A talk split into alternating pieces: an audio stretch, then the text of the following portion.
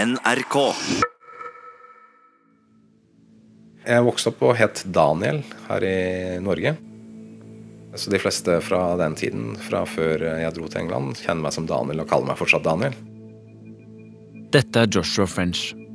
Eller Joshua Olav Daniel Hodne French, som han ble døpt, lenge før han fikk flere dødsdommer og fengsel på livstid. Så fire år alene i fengsel i Den demokratiske republikken Kongo. To av årene snakket han ikke. Han hadde mer enn nok med å prøve å overleve. Da han var liten, het han Daniel og vokste opp blant bistandsarbeidere og misjonærer. Selv ble han leiesoldat i Afrika. Jeg tror på Gud, slik eh, han står beskrevet eh, i Bibelen. Så det er veldig viktig for meg og mitt liv. Hva syns Gud om leiesoldater, da? Nei, Leiesoldaten han har alltid vært. Han er en av de eldste profesjonene i verden, så jeg tror eh, han syns det er en fargerik addition to the world. Det er ikke noen motsetning? Nei da, ikke for meg. To norske menn skal være mistenkt for drap i Kongo. De ser eh, syke ut. De ser ut som de ikke har eh, fått eh, nok mat på lang tid. De er ganske tynne, bleke. Kjostolv Moland og Joshua French ble dømt for drap, for drapsforsøk, for spionasje, for væpnet ran og ulovlig våpenbesittelse. Vi var ikke på guttetur, vi var på et reelt arbeidsoppdrag. Du hører på To hvite menn. Jeg heter Runar Henriksen Jørstad, og dette er tredje episode. Om Gud er enig i at det er greit å være leiesoldat, det vet ikke jeg. Men det som blir stadig klarere for meg, er at det jammen ikke er enkelt å forstå seg på Joshua French. Det er han enig i. Men jeg skal prøve å bli litt klokere på hvordan han har blitt som han har blitt. Eller om han alltid har vært sånn. I denne episoden av To hvite menn skal vi til Danmark og møte han som jaga pirater sammen med French utenfor Somalia. Og vi skal møte noen av de som kjente han mens han gikk på videregående. Da han droppa fester og heller drev med rollespill og kampsport og leste om kriger. Men først skal vi til familien han bodde hos store deler av oppveksten. Jeg kjører nå langs kornåkre i Indre Vestfold på vei mot Rea. En kommune som ifølge Wikipedia er mest kjent for å fostre opp Akvalene og for Jarlsbergosten. Men jeg merker at jeg er mer interessert i Joshua French. Prøve å skjønne hva slags liv han har levd, og hvor han kommer fra. For det er ikke mange gutter fra Vestfold som ender opp som dødsdømt i Den demokratiske republikken Kongo. Familien som han bodde mye hos i oppveksten, har sagt ja til å treffe meg, med opptakeren på. Martha og Jostein Holm heter de. Begge er nå pensjonister.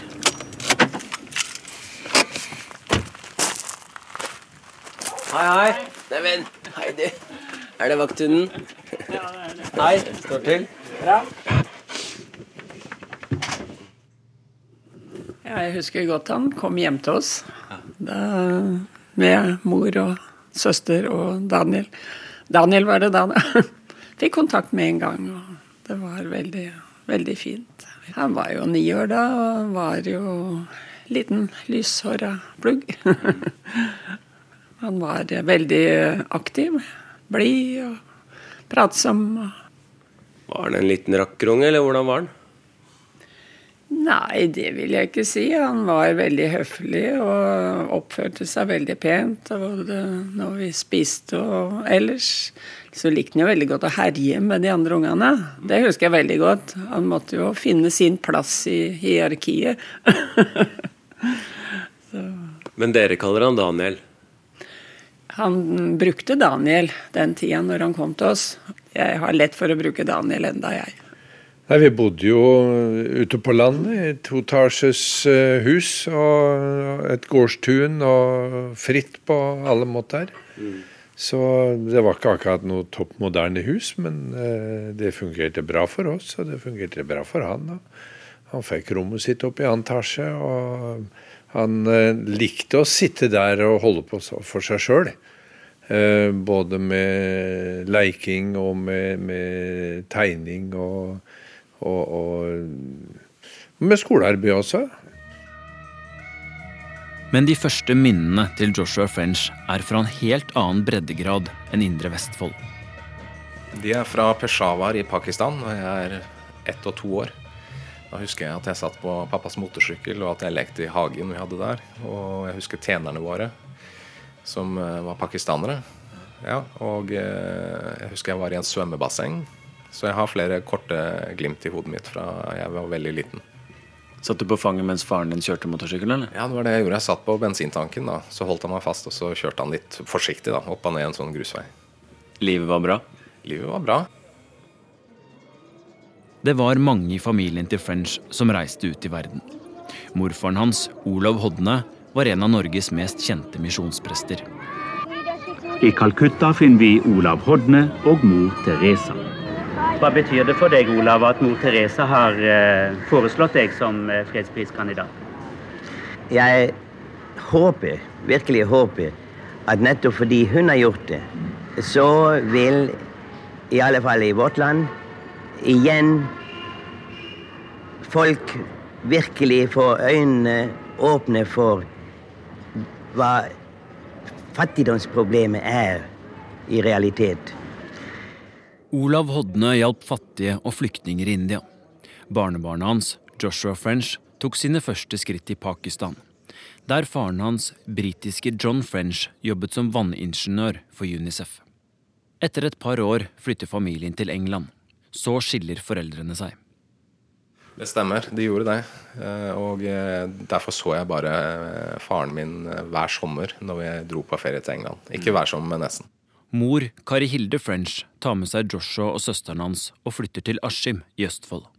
Vi levde ut hemmelig trangt, altså. Ja. ja. Så vi hadde det ikke lett. Jeg tror ikke moren min hadde det lett med meg og lillesøsteren min. Så vi var denne lille familien som uh, vokste opp uh, der. Uh, men jeg har gode minner fra å leke rundt med vennene mine i det byggefeltet vi vokste opp i. da. Mm. Hvordan trangt? Trangt økonomisk, først og fremst, tror jeg. Ja, Så det var ikke lett for henne. Jeg vokste opp i et utehus på en gård og i et byggefelt og rekkehus og alt mulig. Hørt noen rykter om noen pappesker på gutterommet? Ja. Da lagde jeg Spitfire og Hurricane og Messerschmitt, og jeg var jo veldig fascinert av The Battle of Britain. Luftkrigen over Storbritannia sommeren 1940. Og da hadde du alle disse forskjellige flytypene som jeg prøvde å lære meg så mye jeg kunne om. Da, og da lagde jeg cockpitene deres i form av pappesker som jeg satt og fløy i da, for meg selv. Med knapper og brytere. Så riktig jeg klarte å lage det. Hvor kom det her fra? Nei, jeg, jeg, var jo veldig flyinteressert da jeg var liten, først og fremst. Og eh, en drøm jeg hadde, var jo å bli jagerflyver. Ni år gammel flytter han for første gang inn hos familien Holm. Martha Jostein Holm, som har flere egne barn, hadde blitt kjent med mor Kari Hilde French på et kristent arrangement tidligere. Til en vennefamilie som jeg kaller fosterfamilie. og Det var en privat avtale mellom moren min og de, så staten var ikke involvert. Og eh, Det var for at jeg skulle ha en farsfigur og en sterk eh, konservativ familie som jeg vokste opp hos. Eh, på landet. Og det ga meg liksom eh, muligheter som jeg ikke hadde hvis jeg bodde sammen med moren min, som hadde flyttet til Nordstrand i Oslo. Hvordan ble du tatt imot her, da? Ble tatt imot bra. De lærte meg litt eh, De var litt strenge med meg i begynnelsen, men kanskje jeg trengte det.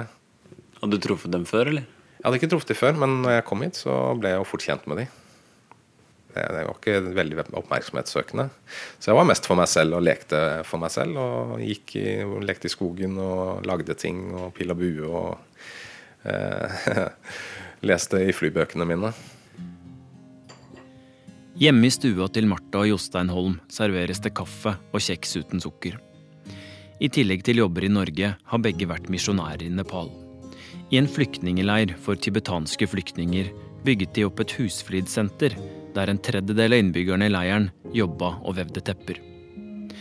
På veggen henger det bilder av flere barn. Et av bildene er av Joshua French som ungdom. Det ser ut som han alltid har hatt den samme korte sveisen. Han hadde en hel hær um, av tinnsoldater. Ja, og de stilte han opp da som sånn middelalderslag, da. og rykka fram og, og med fallene og det hele. Det var eh, skikkelig fantasi over det. Altså. Det var nok det han likte aller best å, å holde på med. Ja, han leste veldig mye historie. Det var han veldig interessert i. Han kunne utrolig mye. Det jeg eh, stramma inn på, da var han vel jeg vet ikke han var 13-14 år kanskje. Han skulle ut og jakte småfugl med pil og bue. Og så lagde han seg piler med skikkelig stålspiss. Og det fikk han ikke lov til. Joshua, eller Daniel, var aldri opptatt av fotball. Han likte best å drive med kampsport. Karate, jiu-jitsu og kickboksing. Han sloss mot rottweileren til familien Holm og ble sjefen. Som tenåring var han opptatt av å bli sterk. Det var særlig når han begynte på, på re, på idrettslinja, som han øh, jogga helt øh, systematisk hver morgen tidlig oppe og jogga og tok seg en dusj og reiste på skolen. Så, og da jogga han eh, vanligvis løype rundt som er ca. en mil. I tillegg til styrketrening om eftan etter han kom hjem. Hvor var det? Nei, det var hjemme og på rommet. Så um, jeg hadde noen omganger men der, fordi at når han tok i tyngste lag med vekter, da, så, så slapp han de på tilbaketuren, og dermed så dunka de i gulvet. Så jeg sa han fikk ikke lov til å ha så mye vekter at det dunka i gulvet. Han, eh, det var eh, noe av målet, at han skulle være god form fysisk og psykisk. Mens Kjøstholm Moland, som vi hørte om i forrige episode, går mil etter mil i Vegårshei med sekken full av stein, løp Joshua French rundt i skogen i Vestfold. Også om natta for å få bedre mørkesyn. De visste ikke om hverandre, men begge forberedte seg. Nei, altså finner vi kanskje Daniel her, da. Han er vel på alle tre bildene. Skal vi se Der, ja. ja. Helt kortklipt. Hogne Fevik nærmer seg 70, men ser ut som han fortsatt kan gå opp til gallepyggen med hvilepuls. Slank, seig, scenesterk. Han har funnet frem gamle klassebilder fra slutten av 90-tallet og lagt dem pent utover stuebordet. Der er idrettsklasse. Rein idrettsklasse. Jeg hadde de gjennom tre år. Mm. Så jeg var kontaktlærer for de. Så jeg blei jo godt kjent med de. Mm. Hva var førsteinntrykket av Daniel da, i første klasse? Nei, altså han, eh, han var jo en eh, rolig og veldig sympatisk eh, gutt. Det må jeg si. Han var jo veldig høflig. Mm. Det er liksom når jeg tenkte etter, og det tenkte jeg jo da òg, han er veldig høflig og, og ordentlig, liksom. Alt, skulle, alt skulle være bra og ordentlig. Veldig, veldig sympatisk, da. Men han var jo en stille gutt. Han gjorde ikke veldig mye ut av seg sånn i klasserommet. Han hadde jo engelsk far, så han var jo opptatt av, av, av faren, at han ville forsøke å få mer kontakt med han. Det ser ut som han blir mer og mer breiskuldra fra år til år. Ja, han var veldig ivrig i styrkerommet. Men han var jo ganske målbevisst hele tida, sånn som jeg husker det. Og det var liksom Forsvaret som uh, han var tiltrukket av, og ville, ville begynne der. Jeg har snakket med flere av klassekameratene til French fra den tida. Naboer og andre som kjente han. De sier han ikke var den som stakk seg frem, bortsett fra i historietimene. Da snakka han nesten ustanselig. Kenneth Kristiansen gikk i klassen hans på videregående. Han spilte, han var interessert i rollespill. Det leika han en del på fritida. Ja. Hva slags type da? Nei, det var å leve seg inn i en fantasifigur og løpe rundt i skog og mark. Han var jo et friluftsmenneske ja. som trives ute der. Hvordan ville du beskrevet den da? Snill og rolig, innadvendt fyr som slipper få inn på seg. Men som er egentlig morsom når du er kjent med den. Og kan snakke det uendelige av det han kan. Og er ikke så interessert i det han ikke kan. Men historie var han for veldig, og geografi. Der var han veldig, veldig aktiv. Historie og fly, trening og Battle of Britain. Daniel har en plan. 19 år gammel drar han til England, til faren. Planen min var bare å komme inn i den britiske hæren. Og så I tillegg så traff jeg faren min eh, og ble kjent med han for første gang i livet mitt, egentlig. På ordentlig. For vi hadde aldri hatt tid sammen alene i voksen alder, slik eh, jeg fikk med han da. Så jeg bodde hos eh, halvbroren min og hos faren min. Og trivdes veldig med det. Ja, hvordan var det? Ja? Var spennende. Han, han, var jo en forteller. da, En sånn uh, veldig flink engelsk forteller. Så han kunne fortelle om alle de, Han hadde fortalt mange historier fra tidene sine, da, hvor han jobbet i Afghanistan og Pakistan selv, eller fra krigen, eller når han var utplassert. Han var jo også i den britiske hæren når han var ung. Mm. Uh, I Tyskland etter krigen, og mange historier. Hvordan vil du beskrive faren din, da? Han er vanskelig å beskrive med få ord, altså.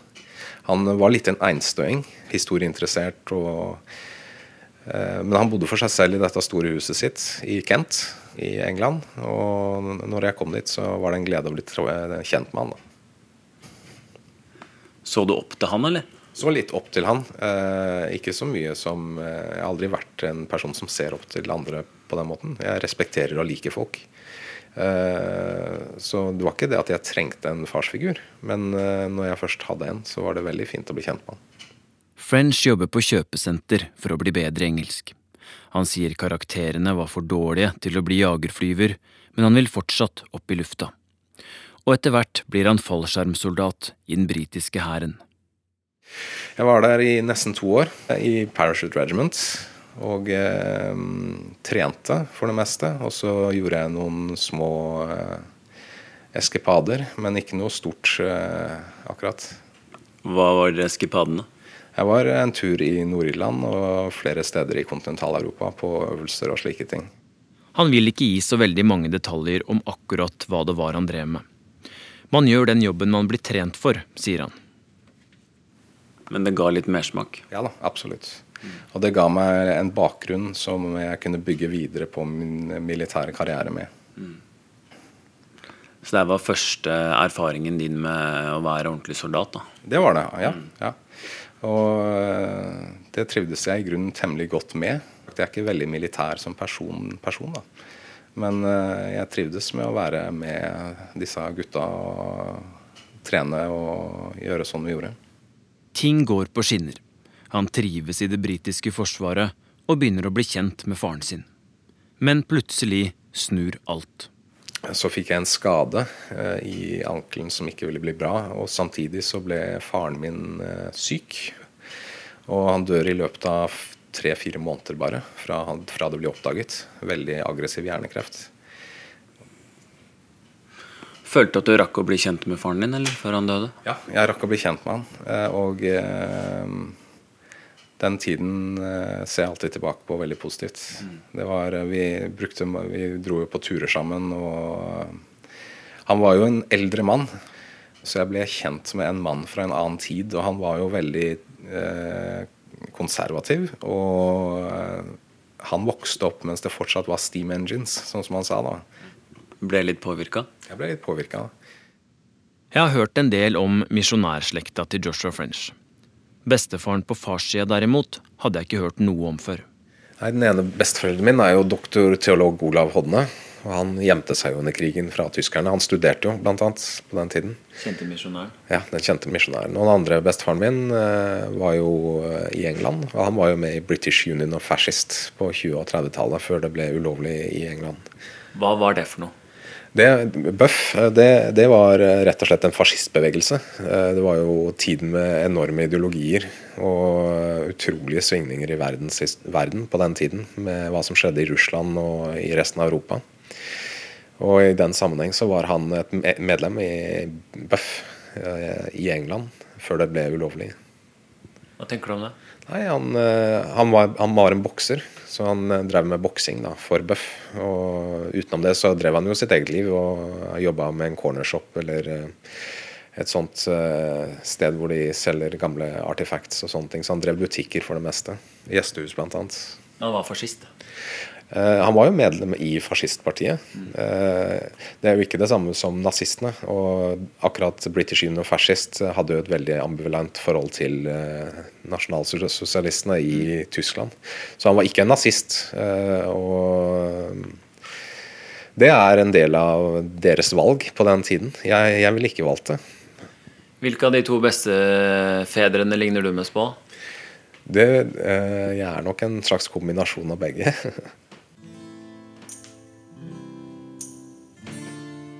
Med en gang han kom til England, så gikk han over til å bruke Joshua. Og eh, Joshua var nok eh, kanskje noe annerledes enn en Daniel.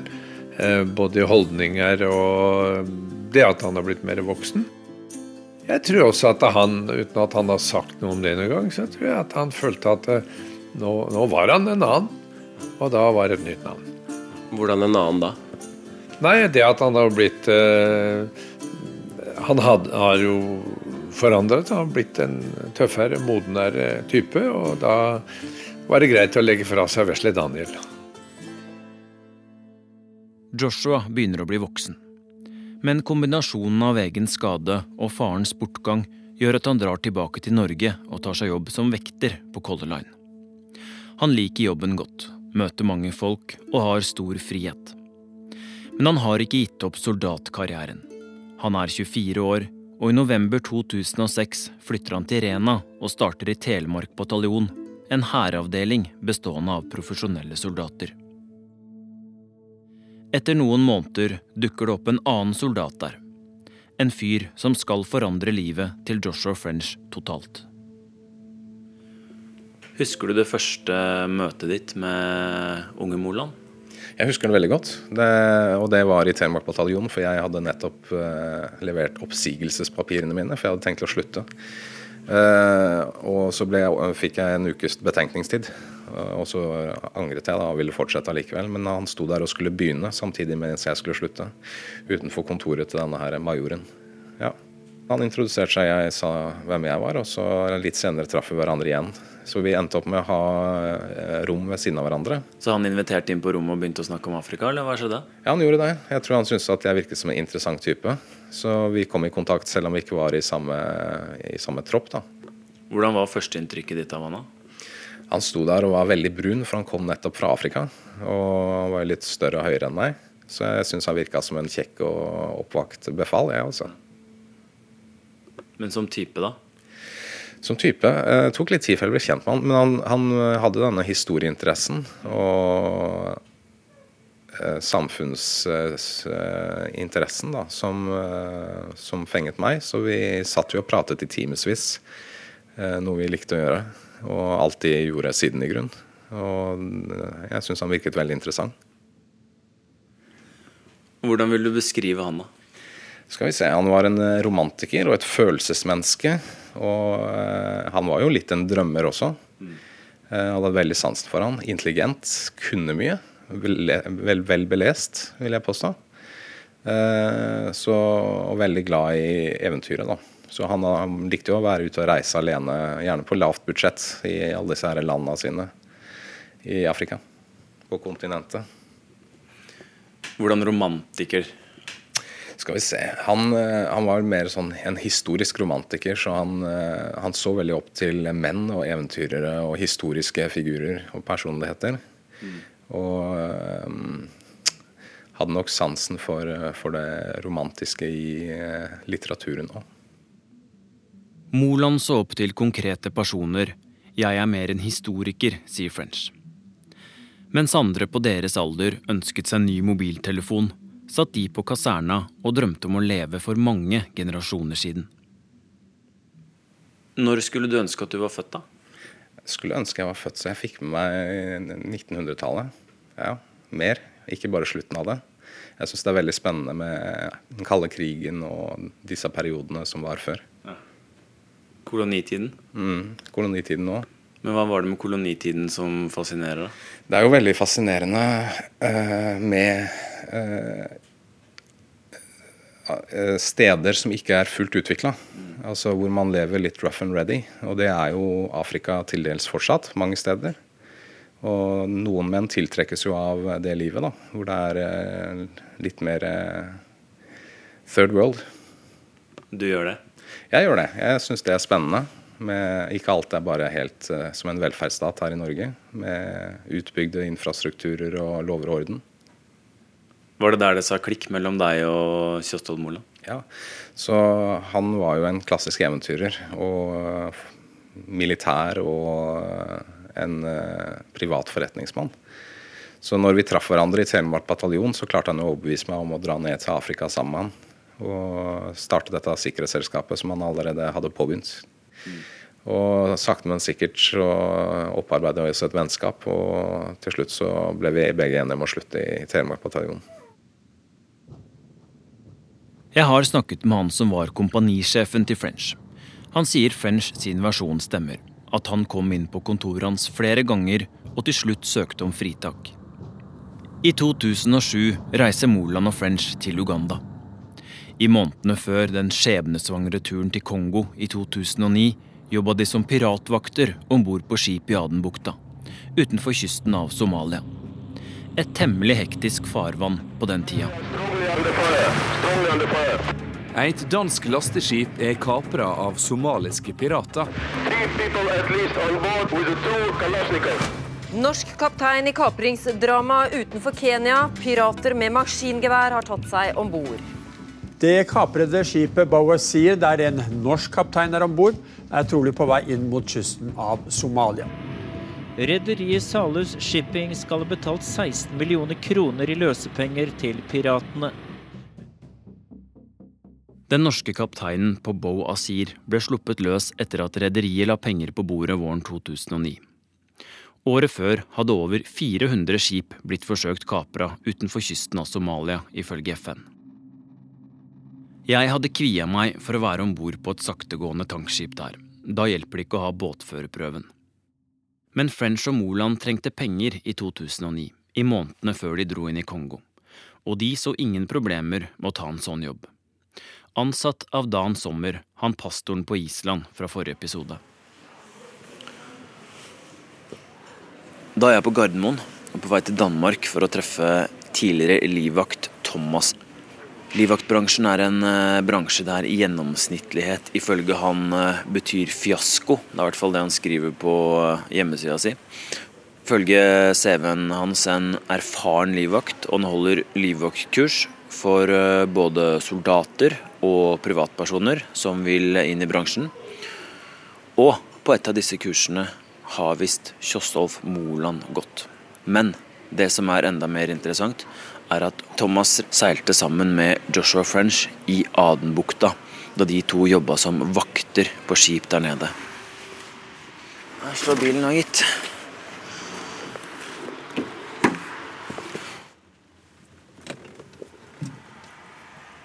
Mitt navn er Thomas Christensen. Jeg har arbeidet som livvakt i 17 år øh, og lavet en del spesialoperasjoner innenfor for spesialsikkerhet med ekspertise fra Afrika og Mellomøsten. Øh, en stor del i Øst-Europa også. Jeg har siden 2004 drevet min egen virksomhet hvor vi har utdannet nye livvakter. Jeg er 36 år nå. Så siden jeg var 18 år har jeg vært i gang i det. Ok, det her er altså Thomas Christensen. Veltrent og kortklipt.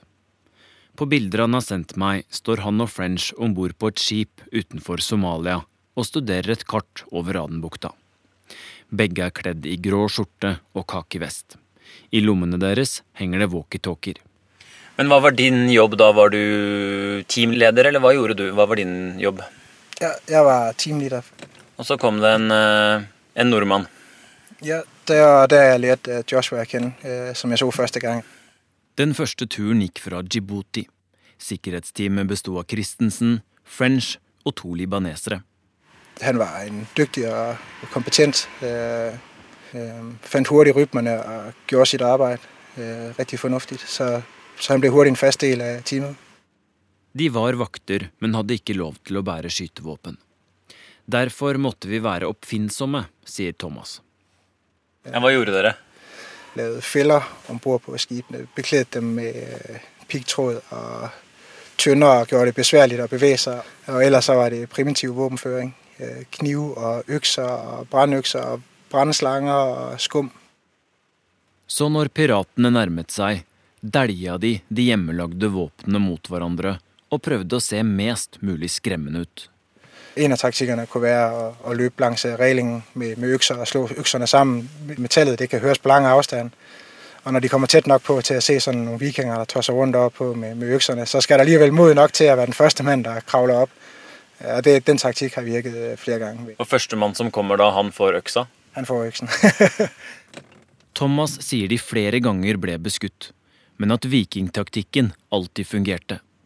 At ingen pirater torde å klatre om bord på skipet deres.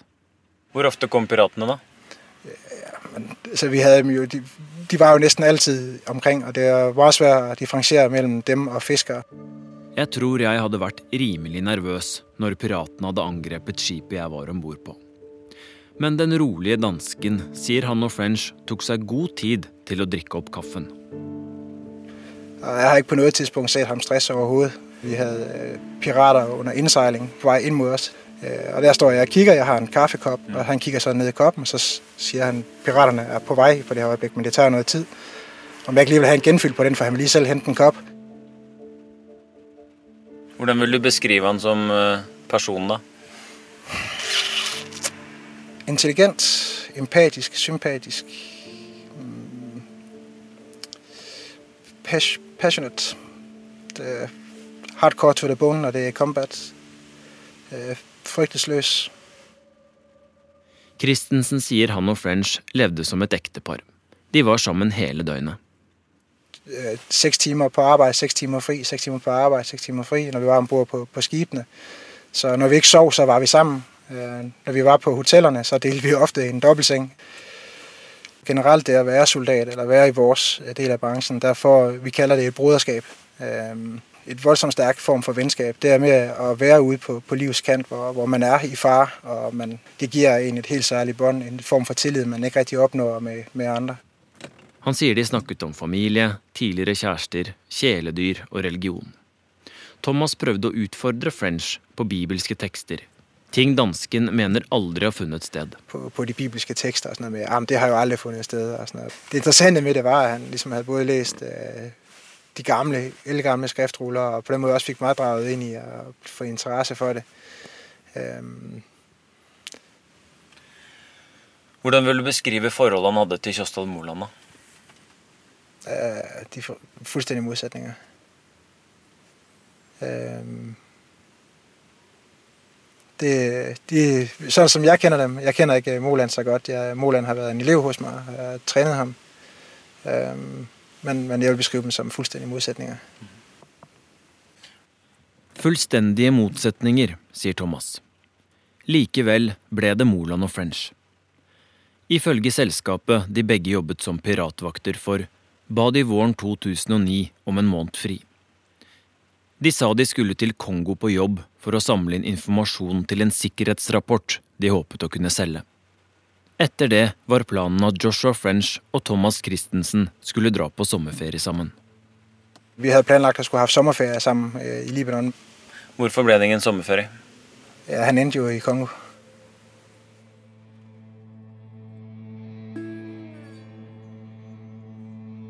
I neste episode av To hvite menn.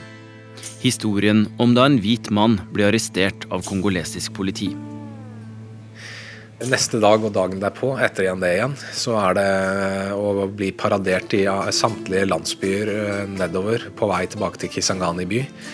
Og da var det helt eh, vilt. Da var det som i en scene fra en film hvor det sto flere hundre kongolesere som var eh, rasende. Den andre hvite mannen melder seg for politiet noen dager senere. De blir fengslet, dømt, men lever. I flere år. Helt til en av dem går bort, og den andre er igjen alene. Da besto livet mitt av å ligge i en jernseng uten madrass. For det er kjøligere uten madrass. Å ligge på bare rillene eller ligge på betonggulvet under. Og eh, på dagtid å gå fram og tilbake en gang.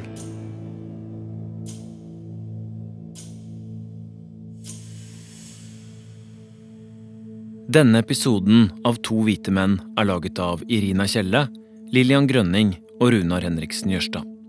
Komponister Jane Kelly og Sindre Otvedt. Redaktør er Marius Tetli. Vi høres igjen om en uke.